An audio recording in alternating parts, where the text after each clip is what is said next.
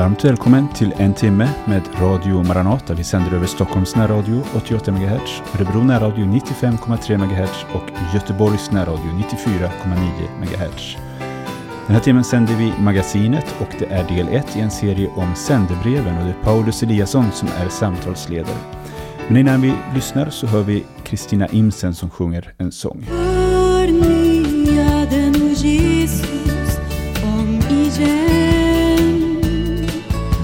Till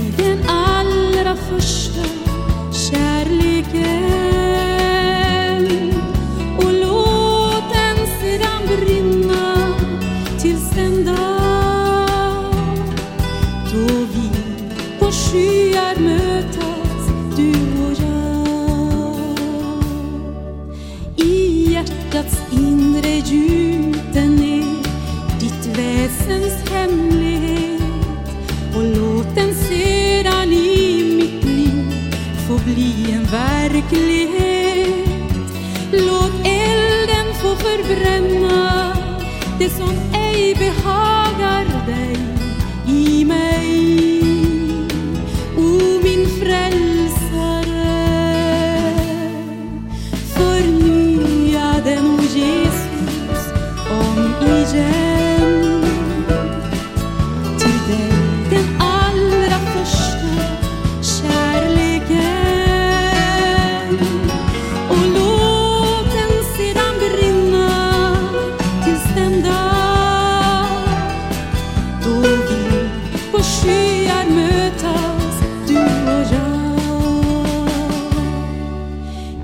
Tillkommelse staden stunda så förnya den bland människoskar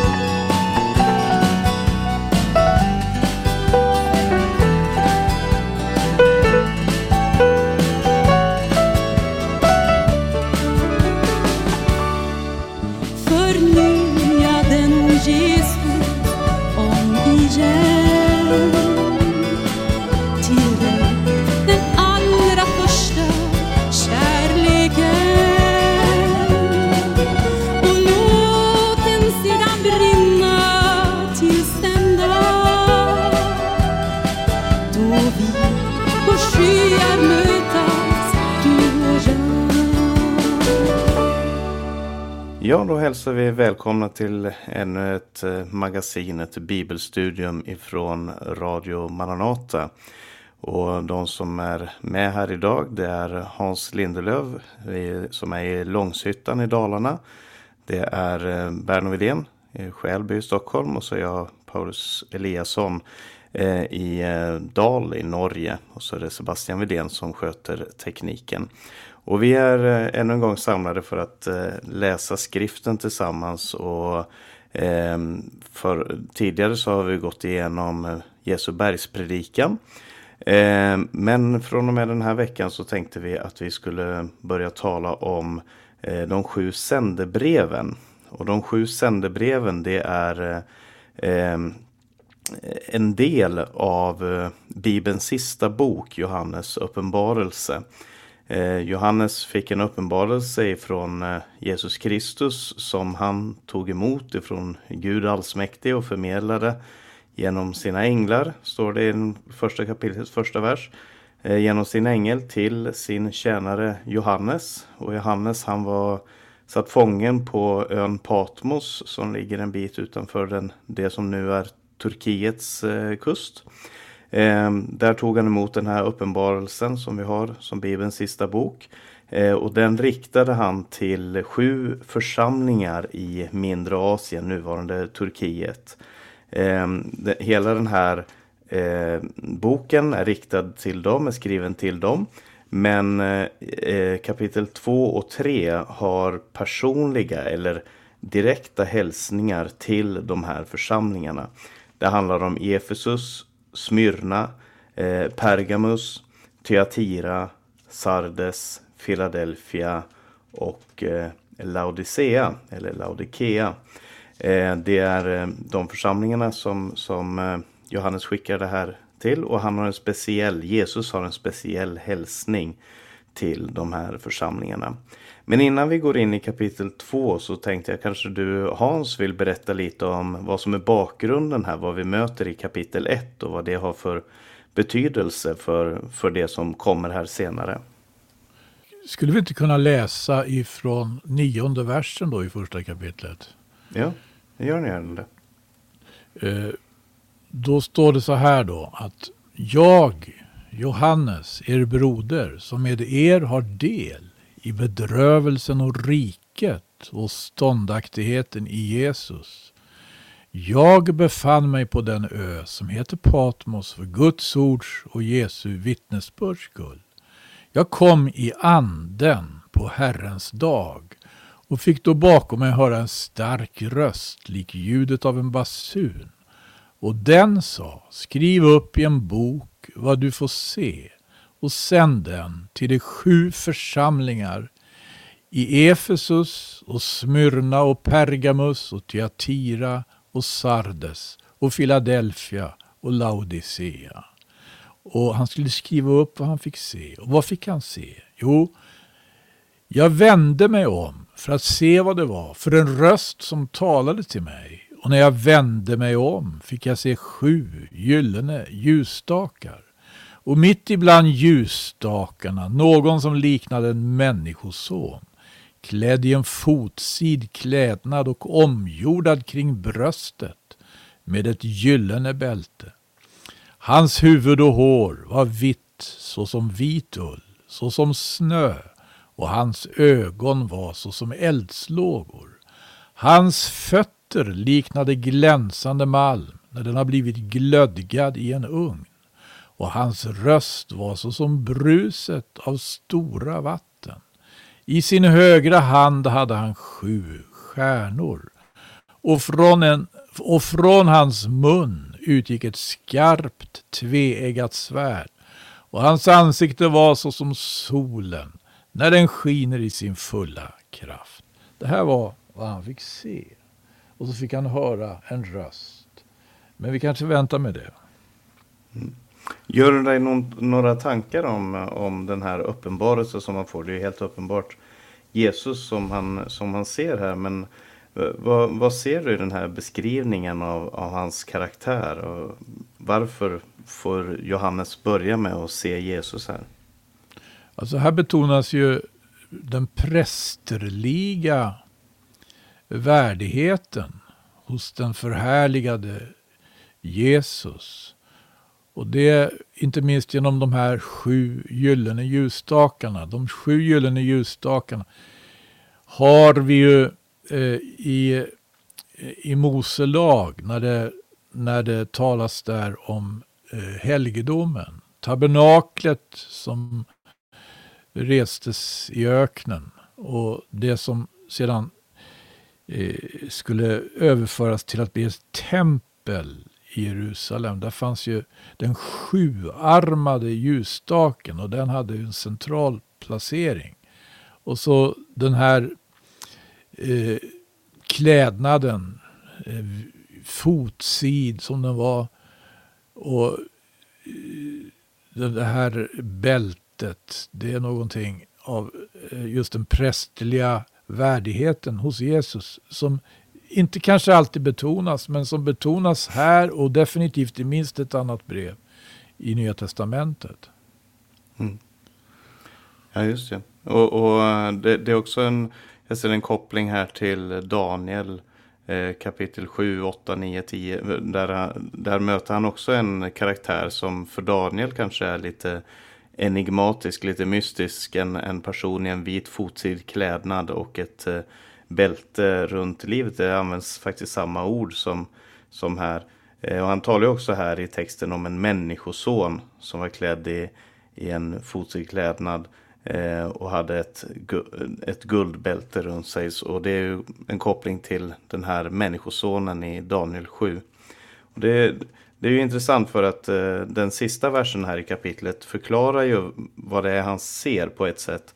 Eh, han säger detta är hemligheten med de sju stjärnorna som du såg i min högra hand och de sju ljusstakarna av guld. De sju stjärnorna är de sju församlingarnas änglar och de sju ljusstakarna är de sju församlingarna. Så han får se in i himmelen, han får en uppenbarelse av Jesus som är den här överste prästen som går runt i, i sin helgedom, i sitt tempel. Och så får han se att han går bland de här ljusstakarna, att han håller sju stjärnor i sin hand. Och så får vi den här förklaringen att, eh, att det här är församlingarnas änglar. Det finns ju olika tolkningar av vad det ska betyda. Men också att de sju ljusstakarna är de sju församlingarna. Alltså Kristus vandrar runt i bland sin församling. Eh, gör du dig några tankar om den här bakgrunden innan vi går in på texten här Berno? Gör du några tankar om, om den här eh, upptakten till de sju sändebreven? Ja, jag har lite tankar här som jag tror kan vara värdefulla. Eh, dels tänker jag på, vi talar ju om de här städerna då i mindre Asien som eh, breven riktade sig till. Men, men just det här att det var inte städerna och folket i staden utan man ska komma ihåg att det var församlingar i de här städerna. Det var utvalda, utkallade, Kristustroende människor som fick eh, eh, det här budskapet. Då.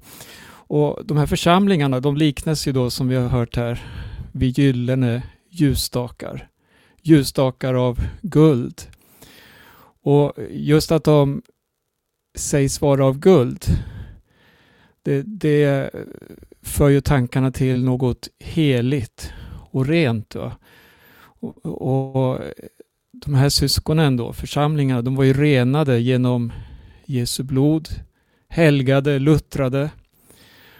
Och eh, jag tänker på en bibelvers i Malaki 3 och 3 där det står så här.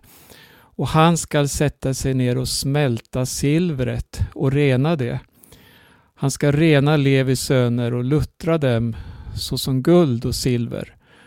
Och sedan ska de frambära åt Herren offergåvor i rättfärdighet.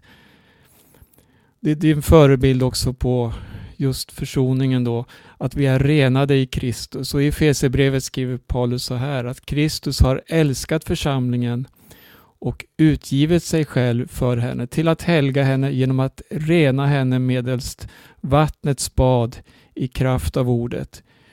Ty så ville han ställa fram församlingen inför sig i härlighet, utan fläck och skrynka och annat sådant. Fastmer skulle hon vara helig och ostrafflig. Och jag, tänk, jag vill betona det här just eh, församlingen som en gyllene ljusstake. Det, det, är något väldigt heligt, något speciellt i Guds ögon. Alltså det, det, det, handlar om våra bröder och systrar när vi läser då om de här församlingarna. Mm. En liten reflektion som jag har. Ja. Och, så, och så är det väl också en koppling till det här som vi läste för några veckor sedan när vi talade om, om eh, bergspredikan så sa ju Jesus ni är världens ljus. Och om man ser på templet och tabernaklet och, och det som då Johannes får se in i här så ser han församlingarna som sju ljusstakar. Eh, och i tabernaklet så var ju det här i, den delen som kallas för det heliga så var ju det ju de sju ljusstakarna var det enda ljuset som var där. Eh, det var det som lyste upp och det här ljuset skulle alltid hållas brinnande. Varje morgon så gick, man, gick de in och fyllde på oljan som var kopplad till ljusstakarna som var kopplad till det här ljuset.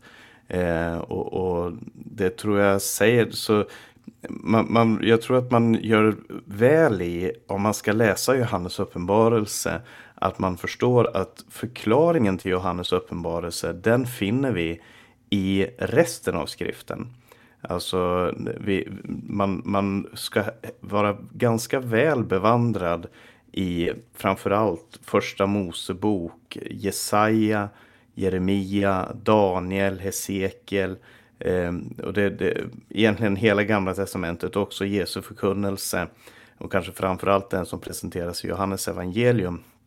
För att förstå eh, kopplingarna här. För det är väldigt få direktcitat ifrån Gamla Testamentet som Johannes gör här.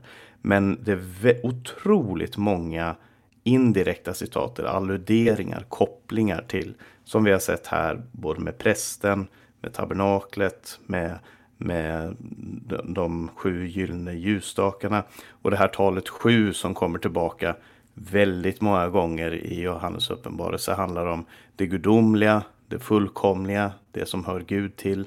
Det talas om sju andar, om, om sju stjärnor, om eh, sju eh, ljusstakar, sju församlingar, sju änglar och så vidare. Det är en eh, viktig del av den här texten. Jag kanske ska läsa också, du eh, slutade väl här i vers 16 Hans, eh, om, om, hans ansikte var som solen när den skiner i all sin kraft. Och sen står det, när jag såg honom följa ner som död för hans fötter. Eh, och det påminner ju om, om Mose som föll ner eh, inför Guds fötter när han fick den här uppenbarelsen uppe på berget Sinai. Det påminner också om Hesekiel som gång på gång i sin profetiska tjänst får se Gud eller får se Guds härlighet och som faller ner för hans fötter. Och så står det Men han la sin högra hand på mig och sa Var inte rädd. Jag är den första och den siste och den levande. Jag var död och se, jag lever i evigheters evighet och jag har nycklarna till döden och helvetet eller döden och dödsriket. Skriv nu ner vad du har sett och vad som är och vad som ska ske efter detta. Detta är hemligheten med de sju stjärnorna som du såg i min högra hand och de sju ljusstakarna av guld. De sju stjärnorna är de sju församlingarnas änglar och de sju ljusstakarna är de sju församlingarna. Får fråga dig Hans, i vers 19 här så står det skriv ner det du har sett och vad som är och vad som ska ske efter detta. Vad, vad, är det, vad är det Johannes har för budskap i Uppenbarelseboken med tanke på det här? Det verkar som att han, han kopplar de här sakerna ihop. Det som var, det som är och det som ska hända. Ja, och eh, det sägs ju av den som eh, faktiskt också är den första och den siste. Och Gud själv, eh, han blir ju också eh, han blir ju i, i uppenbarelsen liksom ja, på annat håll presenterad som den som var och den som är och den som ska komma. Mm. Ja, precis. Så um, vi får en, en profetisk inblick både i hur saker och ting är och, um, hur, och vad som ska komma i framtiden. Eh, Berno, har du någon mer kommentar på den här, eh, den här innan vi går in i texten? Alltså, man har ju hört eh, många olika tolkningar av de här sändebreven. Då. Och de, dels så är det ju riktat till de här lokala församlingarna. Jag tänker det vi läste inledningsvis, det handlade ju om eh, ett, en Jesu Kristi uppenbarelse som församlingarna då skulle få ta emot för att få veta vad som snart måste ske. Och så står det också i sammanhanget, för tiden är nära. Och allt det här andas ju Jesu tillkommelse. Och jag tror ju att det här har ju budskap direkt till de här församlingarna, deras tillstånd, deras egenskaper. Men eh, det är också viktiga budskap till församlingar genom tiderna som vi, vi får pröva oss inför det här budskapet.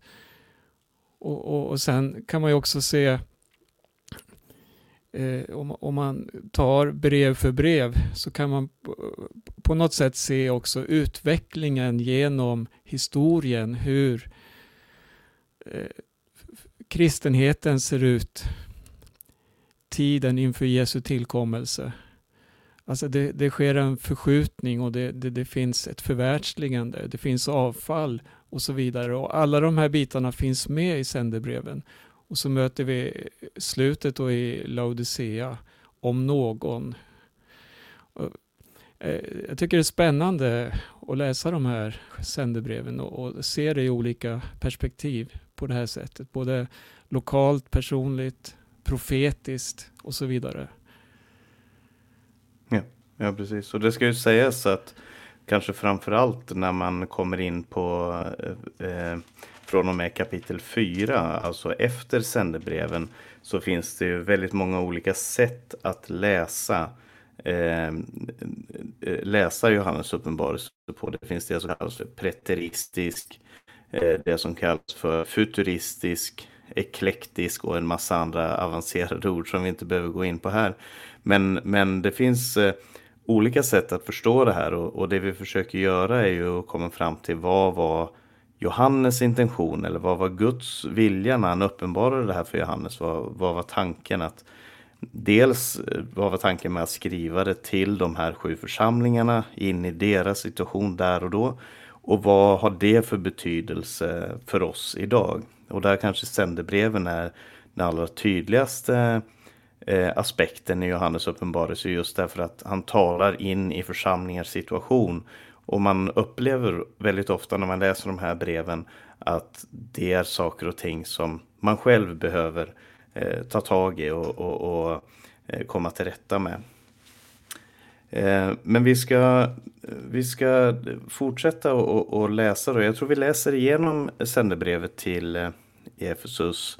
Eh, eller Efesos. Eh, jag, jag, använder nog mest 1917 ut, eh, sättet att uttala de här på.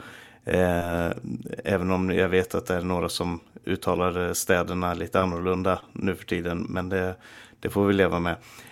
Men det står så här då från Uppenbarelseboken kapitel 2, vers 1. Skriv till ängeln för församlingen i Efesus.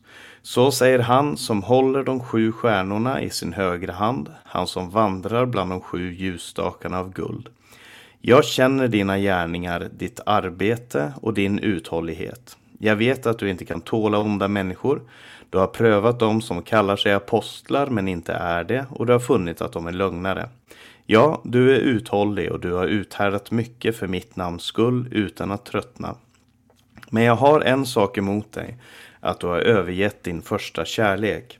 Kom därför ihåg varifrån du har fallit och vänd om och gör dina första gärningar. Annars, om du inte vänder om, kommer jag till dig och flyttar din ljusstake från dess plats. Men den fördelen har du, att du hatar Nikolaiternas gärningar, som också jag hatar.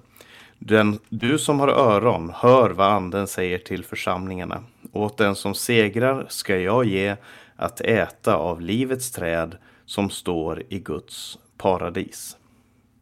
Och vi ska ta den här vers för vers, men jag tänkte bara jag skulle säga någonting om den här staden Efesus innan jag släpper på både Hans och Bern här och ger sina kommentarer. Efesus var ju en, en handelsby på Johannes tid och nu talar vi om runt år 95-96 efter Kristus. Det här är i slutet av eh, kejsar Domitian. Jag är, nu är jag lite influerad av det norska. Jag vet inte om man kallas för Domitianus på, på eh, svenska. Eh, men han regerade mellan år 81 och 96 och eh, Efesus på den tiden var en stor handelsby men det var också en, en, en, en stad där man eh, tillbad väldigt många gudar. Eh, det fanns 17 tempel i staden. Eh, och det största templet, det förnämsta templet, det var templet till Artemis eller Diana som var fruktbarhetsgudinnan. Det kan man ju läsa om om man läser när aposteln Paulus kom till Efesus första gången i, i apostlärningarna så blev det en konfrontation där bland annat med de som eh, tillbad i, i eh, Diana-templet eller Artemis-templet. Eh, men av de här 17 templen så var det också två tempel till olika kejsare.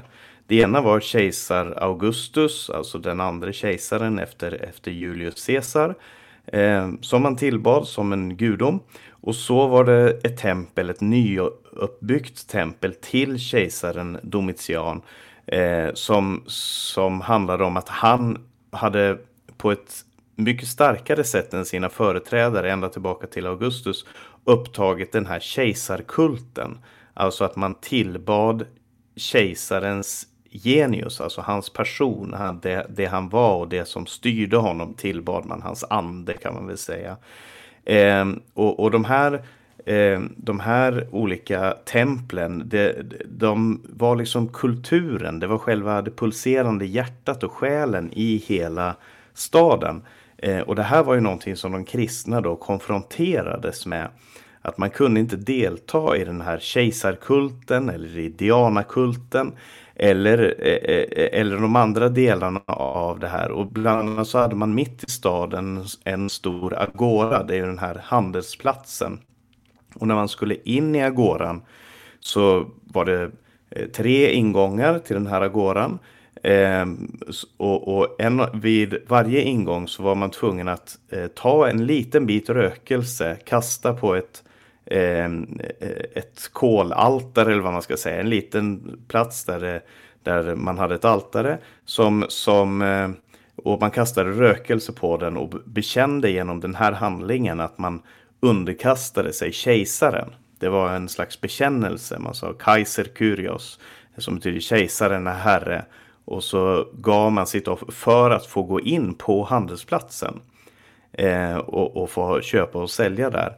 Och det, det eh, säger någonting om vilken konflikt som församlingen befann sig i. För att om man inte vill kompromissa med det man tror på, det man står för. Eh, inte vill delta i tempelkulterna som väldigt ofta handlar om prostitution, det handlar om avgudatillbedjan. Man vill heller inte eh, eh, eh, delta i, i eh, kejsarkulten som, som handlar om de här bekännelsen och underkastelsen under kejsaren som konung. Eh, och, och, man inte heller kunde tänka sig att köpa och sälja på de betingelserna som då krävdes.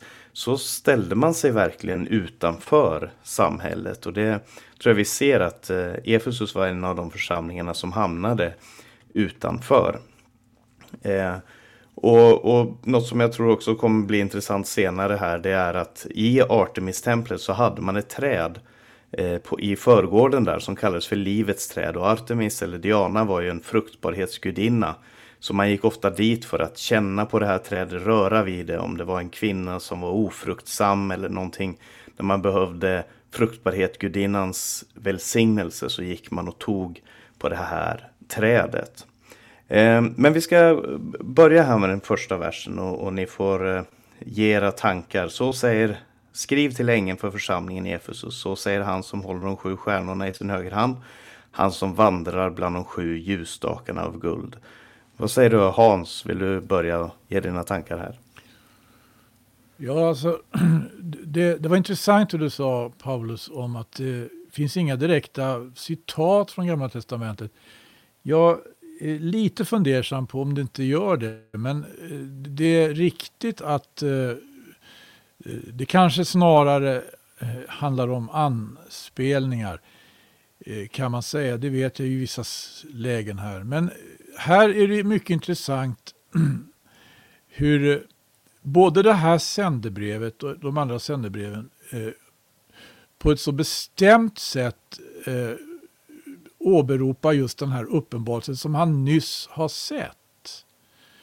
Eh, just en syn som han såg, som vi fick beskriven för oss i första kapitlet, det är den som åberopas här. Var, han fick ju se detta, den som håller de sju stjärnorna i sin högra hand och som går omkring bland de sju gyllene ljusstakarna. Eh, det är, tycker jag, rätt intressant. Eh, jag vet inte, man kanske kunde fundera lite mer på det, för det här återkommer ju. Men eh, ljuset, stjärnorna, ljuset utomhus, ljusstakarna, ljuset inomhus. Här är alltså någonting alldeles oerhört eh, som sägs om Jesus. Men vi vet ju också att han själv ger förklaringen i, i sista versen i det förra kapitlet. Mm. Just det. Eh, Berno, vill du ge dina tankar också? Mm. Eh, eh, samtliga de här breven har ju någonting gemensamt. Det inleds ju med att det riktar sig till församlingen då, eller till församlingsledaren som jag förstår det. Och sen eh, en beskrivning av avsändaren. Eh, att Herren beskrivs på olika sätt och för varje församling utifrån det den församlingen behöver. Och sen kommer då den här, eh, vad ska man säga, kritiken eller uppmuntran på, på tillståndet i församlingen. Och eh, sen en förmaning om vad som behöver åtgärdas. Men så avslutas det alltid med ett löfte. Och eh, det tycker jag är så oerhört stort att när Gud är med i alla församlingarna här, då, då, då, då, finns det en framkomlig väg. Om man lär sig att lyssna och lär sig att ta emot då de här förmaningarna som det handlar om. Och när vi nu läser då eh, brevet till Efesos så blir man ju först väldigt imponerad av eh, vilken oerhörd eh, hängivenhet det fanns i arbetet och uthålligheten. Och man tål inte onda människor och så vidare. Det, det, och man ja, uthållig och man tröttnar inte. Man har uthärdat också för Jesu namns skull saker. Men trots allt det här så, så fanns det något eh, oerhört viktigt som fattades. Och, och, och det här tror jag vi kan ta mycket lärdom av. Det här, jag har det emot dig att du har övergett din första kärlek. Vi kan ha hur mycket hängivenhet, hur mycket arbete och verksamhet som helst. Men, men eh, det är inte så det fungerar riktigt, utan det måste vara Herren Jesus Kristus som står i centrum och hans kärlek måste få uppfylla våra hjärtan. Det var så allvarligt att det var ett fall, alltså du har fallit och det var uppmaning till omvändelse. Det, det, ja, nånt, någonting sånt tänker jag här. Ja. Eh, du nämner just det här om att eh, det finns eh, ett slags mönster i, i varje eh, sändebrev. Och bland annat där som du sa, inledningen, presentationen av Kristus och så kommer den här uppmaningen, Eh, beskrivelsen av hur Gud ser på församlingens situation. Eh, och, och en sak som som eh, återkommer, det är det som står i andra versen, de första två orden. Jag känner. Alltså jag känner till eller jag vet. Eh, och, och, och det där, att, att, eh, att få höra det ifrån Jesus själv. Eh, Jesus kommer dit, alltså så säger han som har de sju stjärnorna i sin högra hand. Alltså det här var de, de sju, församlingens sju änglar som kanske då som du säger Berno representerade de, alltså ledarna i församlingen, personer som, som var satta för att tjäna församlingen. Och han, han säger att han håller dem i sin hand. Han, han har allt det här i sin hand. Han som vandrar bland de sju ljusstakarna, alltså han är prästen som är, är där för att kolla ljusstyrkan, att det finns olja, att det finns det som behövs för att ljuset ska fortsätta att brinna. Han är på inspektionsrunda helt enkelt. Han har sin morgontjänst i, i helgedomen för att se hur är det med de sju ljusstakarna. Eh, och så säger han till Efesus, jag känner dina gärningar. Jag, jag vet precis hur det står till. Jag känner dina gärningar, jag känner ditt arbete och jag känner din uthållighet. Och det är intressant om tre, just de tre orden finner vi också i första Thessalonikerbrevet. Thessaloniki var ju en församling i nuvarande Grekland. Eh, så över vattnet så att säga från Efesus. Eh, och där står det så här. Eh, vi tänk, Paulus skriver till dem i början av sitt brev. För vi tänker ständigt på er gärning i tron, ert arbete i kärleken och er uthållighet i hoppet till vår Herre Jesus Kristus inför vår Gud och Far. Alltså det var gärningar, det var arbete och det var uthållighet i församlingen i Efesus. Men mm, eh, Eh, i första Thessalonikerbrevet så säger han det gärningar i tron, alltså tro, gärningar motiverade av tro. Eh, arbete motiverat av kärlek och uthållighet motiverat av hoppet till eh, vår Herre Jesus Kristus. Och det, det är en stor skillnad. När, för frågan är, ja precis, precis. Det, det, frågan är liksom vad, vad är motivet för det man gör? Vad, vad, vad, vad ligger bakom? Vad, vad ligger i det här? För att och på, till det yttre så kan det se precis likadant ut. Men han som inspekterar eh, de här ljusstakarna, han vet vad som befinner sig där på insidan. Vad säger du Hans om, om de här verserna som, som fortsätter här där, och, och Jesu beskrivelse av vad som föregår i församlingen? Alltså, vad jag lägger märke till till exempelvis i vers 2 här. Det är ju det, alltså genomgående eh, det, det, är karaktäristiskt för aposteln Johannes och just aposteln Johannes Guds umgängelse och hans, ska vi säga, kanske böneliv men också hans undervisning just det här eh, de som säga sig vara. Om vi läser första Johannes brev så återkommer det här uttrycket om att säga sig vara. Den som säger sig eh, vara, eh, ja, det, fanns, det finns ju flera exempel. Den som säger sig vandra i ljuset, den som säger sig eh, det finns flera exempel i första kapitlet. Jag har inte det för ögonen precis nu. Men även här i sändebreven. Här har vi de som säga sig vara apostlar. Och det är klart att det verkar som att eh, förmågan att tala här, förmågan att uttrycka sig, eh, det kan, det kan, det kan liksom bli ett eh, trolleri med ord, det kan bli ett, eh, ett förespeglande, det kan bli verkligt falskt. Och därför så är det väldigt värdefullt när det finns en, eh, en proberare som församlingsängen i Efesus han hade prövat dem som sade sig vara apostlar, men icke var det. Ja.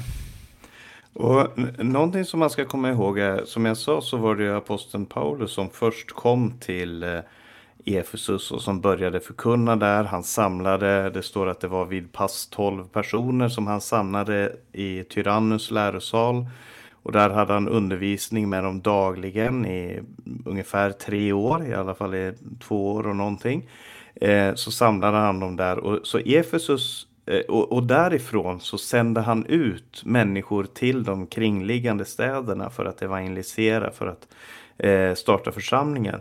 Så antagligen Eh, Eh, nu vet vi inte det här, men antagligen så är de andra församlingarna, Smyrna, Pergamus, Thyatira, Philadelphia, de är grundlagda genom aposteln Paulus mission. Men Efesus är alltså den äldsta församlingen. Eh, och jag tror, det, när det här skrivs så är församlingen ungefär 40 år gammal.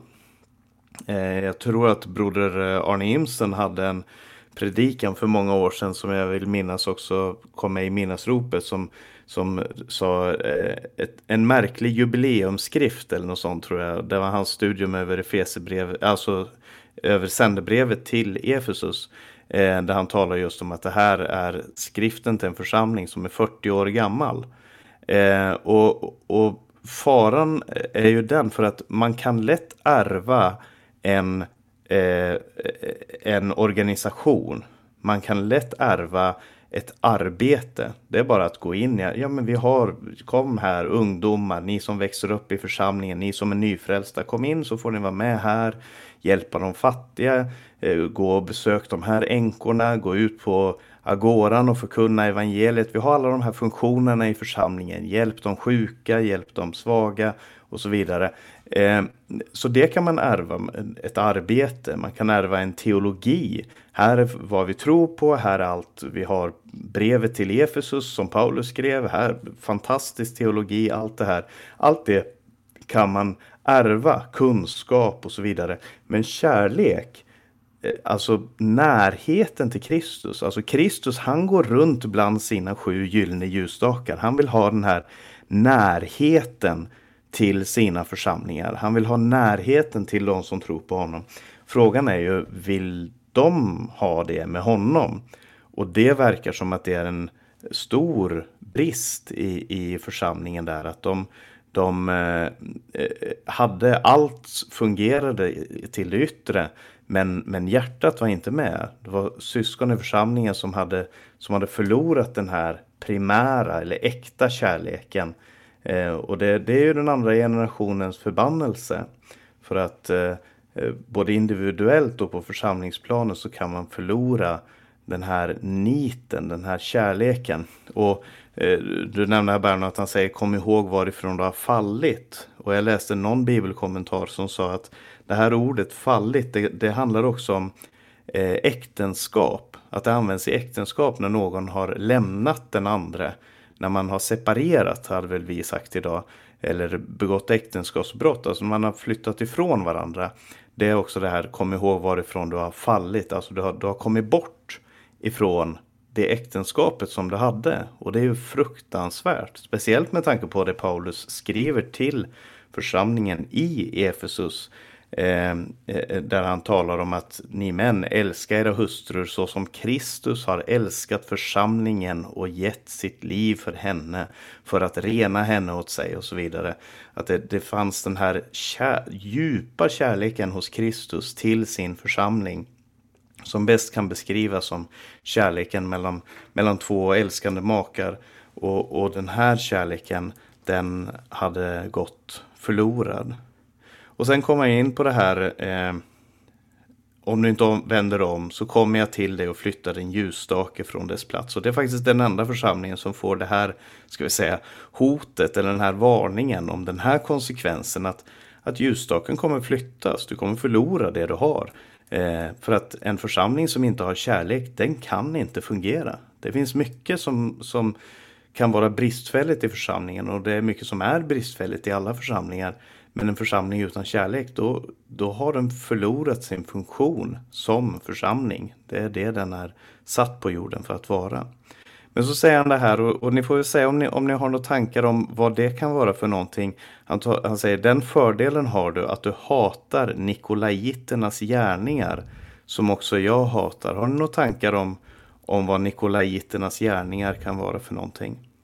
Alltså, innan, innan du kommer in på det, för du, du, du sa så mycket här. ja, knyt gärna an till... Eh, jag tänker på det här, det här med att tradera. Det finns ingenting som är så hämmande som just traditionerna, religiösa traditioner. Det kan vara traditioner av olika slag, va? men det har en väldigt hämmande effekt som man påverkas av. Och här, här, tänker jag på Paulus också då, då han skriver till, till korintierna. Hur, hur, hur han riktigt stryker under att att det, det som var dåraktigt utvalde Gud, det som ingenting var, det utvalde Gud. Alltså det ska inte bygga på traditioner, det ska inte bygga på mänsklig vishet och kunskap, utan det finns något som är i Guds kärlek, då, om vi ska hålla oss till, till Efesie eh, församlingen här, det som hade gått förlorat. Man hade så mycket gott arbete, man stod upp mot Nikoliternas lära som vi ska komma in på här. Och man höll fast, men det, det var som att det var, man hade lärt sig, man hade traderat och förlorat det viktigaste. Och jag tänker på ett bibelord bara som Paulus skriver också, ty Guds kärlek är utgjuten i våra hjärtan genom den helige Ande, vilken har blivit oss given. Och det tror jag är en nyckel som sagt. Mm. Ja, Men ja, om du ställer en fråga här om ja, nej men, Nikoliterna. Ja. Och, och eh, de får en berömmelse för att de avskydde Nikolaiterna, Nikolaiternas lära som också Herren hatade då. Och det står ju om Nikolaiterna i ett senare brev också till Pergamus. Och som jag, när jag läser det här så förstår jag det som att de hade samma lära som eh, eh, Bilians lära och som, som var en hednisk profet, eller han som förledde gudsfolket till sexuell omoral, exempelvis står det i, eh, i en förklaring då i folkbibeln här till, i brevet till Pergamon som kommer. Och här ser man ju då hur Efese, församlingen i Efesus, de tog avstånd från det här, hade, hade en hållning där och vi, för, för det vi läser om i Pergamon sen, det, det, det var ju väldigt allvarligt. Och här, här tror jag Nikolaiternas lära eh, kan ha en, något av en förklaring om, om vad det var. Just, just.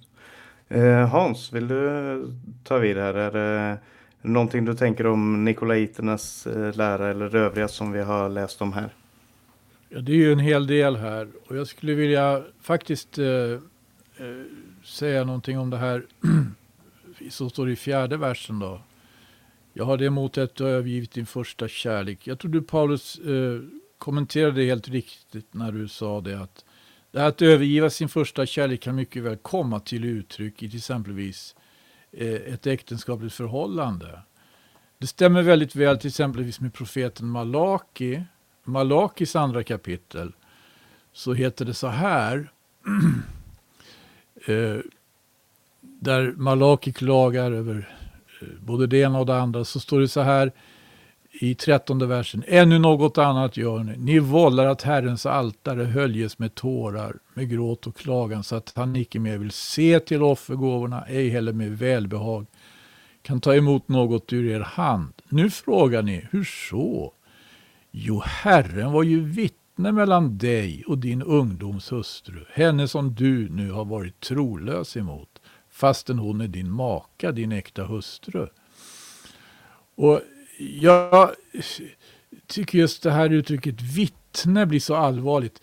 Därför att eh, Jesus är ju vittnet.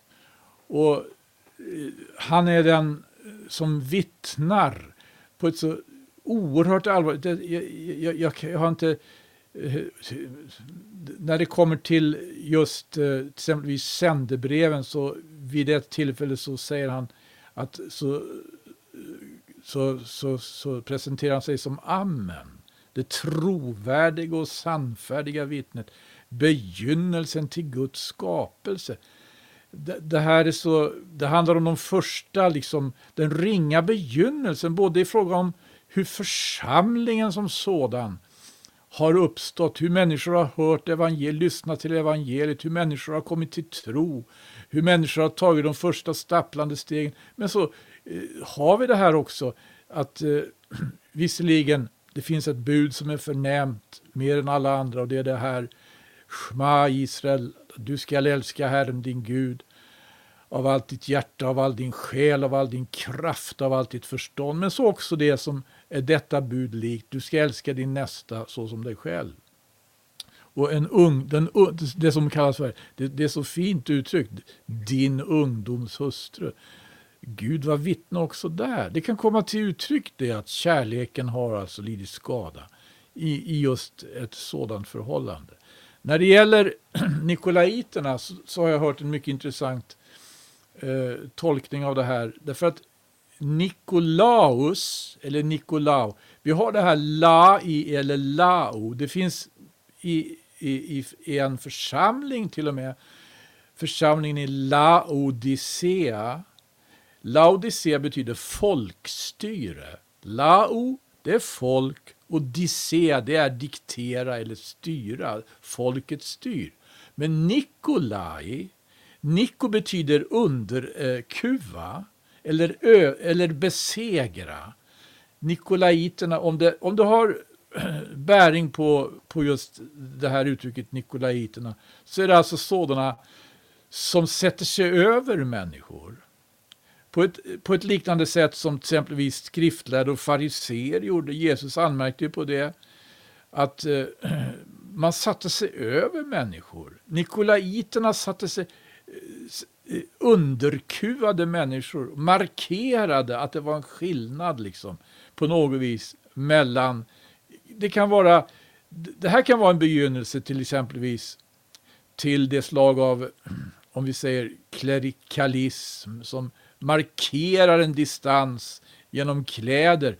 Men det behöver inte vara det, det kan vara också ett annat sätt att man kan markera distans på olika vis.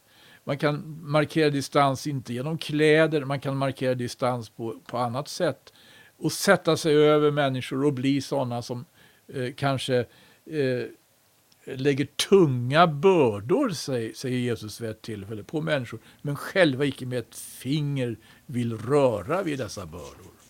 Ja, nej men det, det, är intressant för vi har fått två olika eh, tolkningar av det här med Nikolaiternas lära. Och, och eh, jag har hört faktiskt tre olika. Dels den som du nämnde Berno som, som handlar om att eh, eh det är kopplat till eh, Biliams lära som vi läser om i sändebrevet till Pergamus. Eh, Biliam förledde ju folket att eh, eh äta offer som var eh, äta kött ifrån offer, det som var offrat av gudar och eh, till att eh, leva i sexuell omoral. Eh, och det, det kan vara kopplat då if, om det här är Nikolaiternas lära var någonting som förekom i i eh, Efesus så kan det vara kopplat till just tillbedjan av Diana eller Artemis som eh, där de ju hade tempelprostitution och de hade stora festivaler där de firade och man hade som den här stora festivalen i Artemistemplet avslutades med en orgie.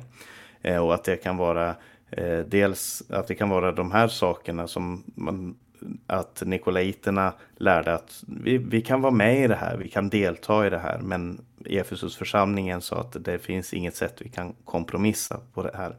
Medan andra då som nämner som, som du nämnde Hans, eh, Eh, Eh, att eh, jag bland annat läst innan mötet här Witness Lees eh, bibelkommentar Recovery Version. Och där nämner han just det här med, med Nikolaus, alltså att eh, det handlar om eh, de som styr över, de som härskar över andra. Eh, en tredje eh, förklaring är den som, jag tror att det var kyrkofadern Ireneus som i sin kommentar, och han levde ju på bara några tio år efter efter eh, att Johannes skrev det här som sa att Nikolaiternas lära det var en, gnostisk, eh, en gnostisk lära hämtad ifrån gnosticismen som, som talade om eh, eh, det fysiska som någonting ont medan det andliga är någonting gott. En tanke som man hämtade ifrån Platon och, och hans idévärld. Och, och, det fanns ju mycket judisk gnosticism, det fanns kristen gnosticism, docetismen och flera andra på den här tiden. Men jag får väl vara, bara vara diplomatisk och säga att det finns tre tolkningar här. Eh, åtminstone det finns säkert flera. Eh, men men eh, det behöver ju inte vara att någon av dem nödvändigtvis är fel. Och jag tror att eh, det finns ett värde i eh, var och en av de här, av de här eh, tolkningarna. Det är intressant till, Paulus, ja. här, du säger det här om gnosticismen. För att jag, jag tänker på Timoteus, han var ju i Efesus Mm. Timoteus fick ett brev från Paulus och eh, där lyfts ju de här gnostiska problemen fram som han fick slåss mot då i Efesus.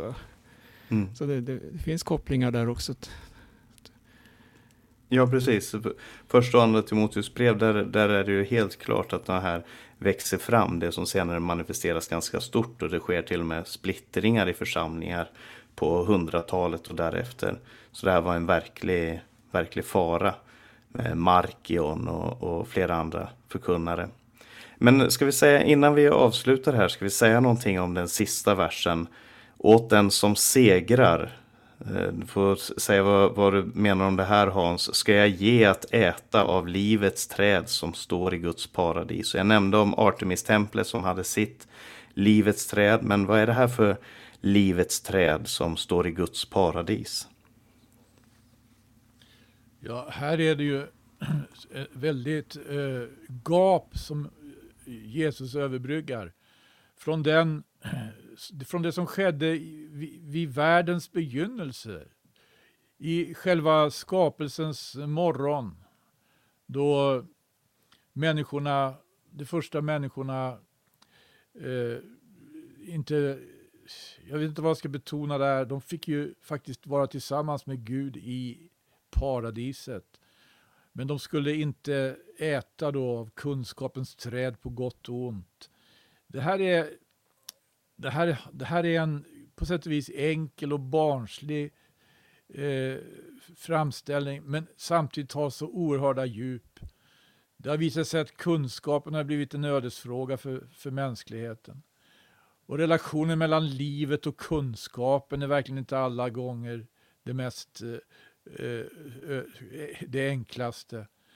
Här, här är det faktiskt så att eh, det, här, det här är ju vad, vad, vad som drabbade människorna som syndade mot Gud. De blev utdrivna ur lustgården.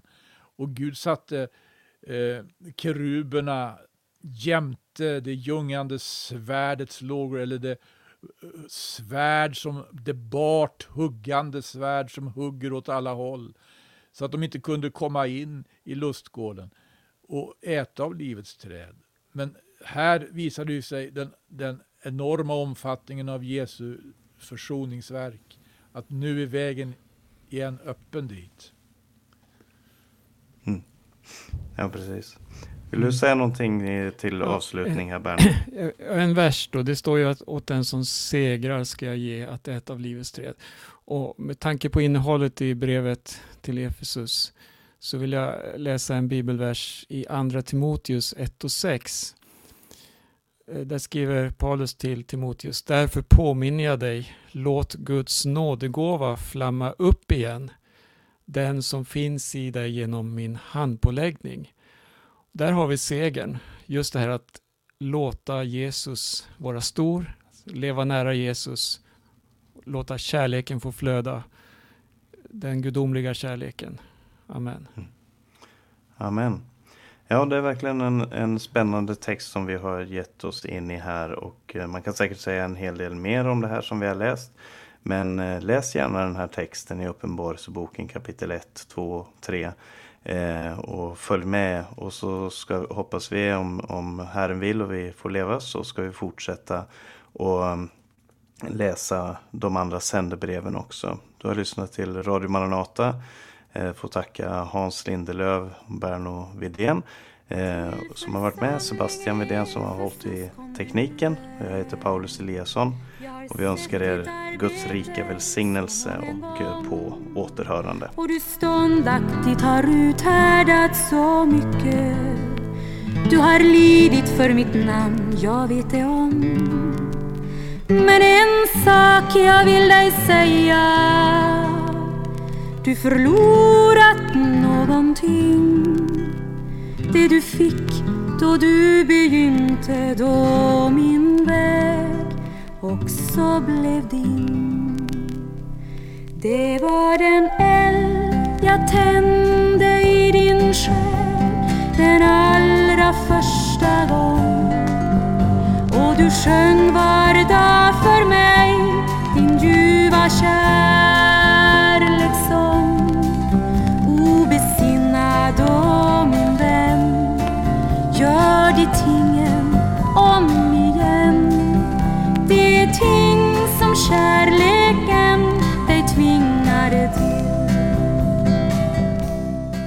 Du lyssnar till Radio Maranata och det här programmet sänds över Stockholms närradio 88 MHz, Örebro närradio 95,3 MHz och Göteborgs närradio 94,9 MHz. Just nu hör vi Kristina Imsen som sjunger sin sång Efesus.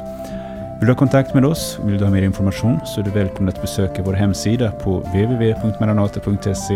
Du kan ringa oss på 070-201 6020 eller mejla oss på info maranata.se.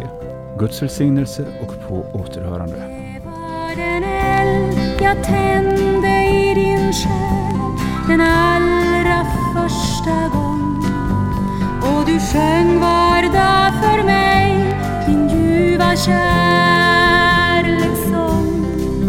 obesinnad då min själ bättra dig och gör allt väl. Gör de ting som kärleken bli tvingad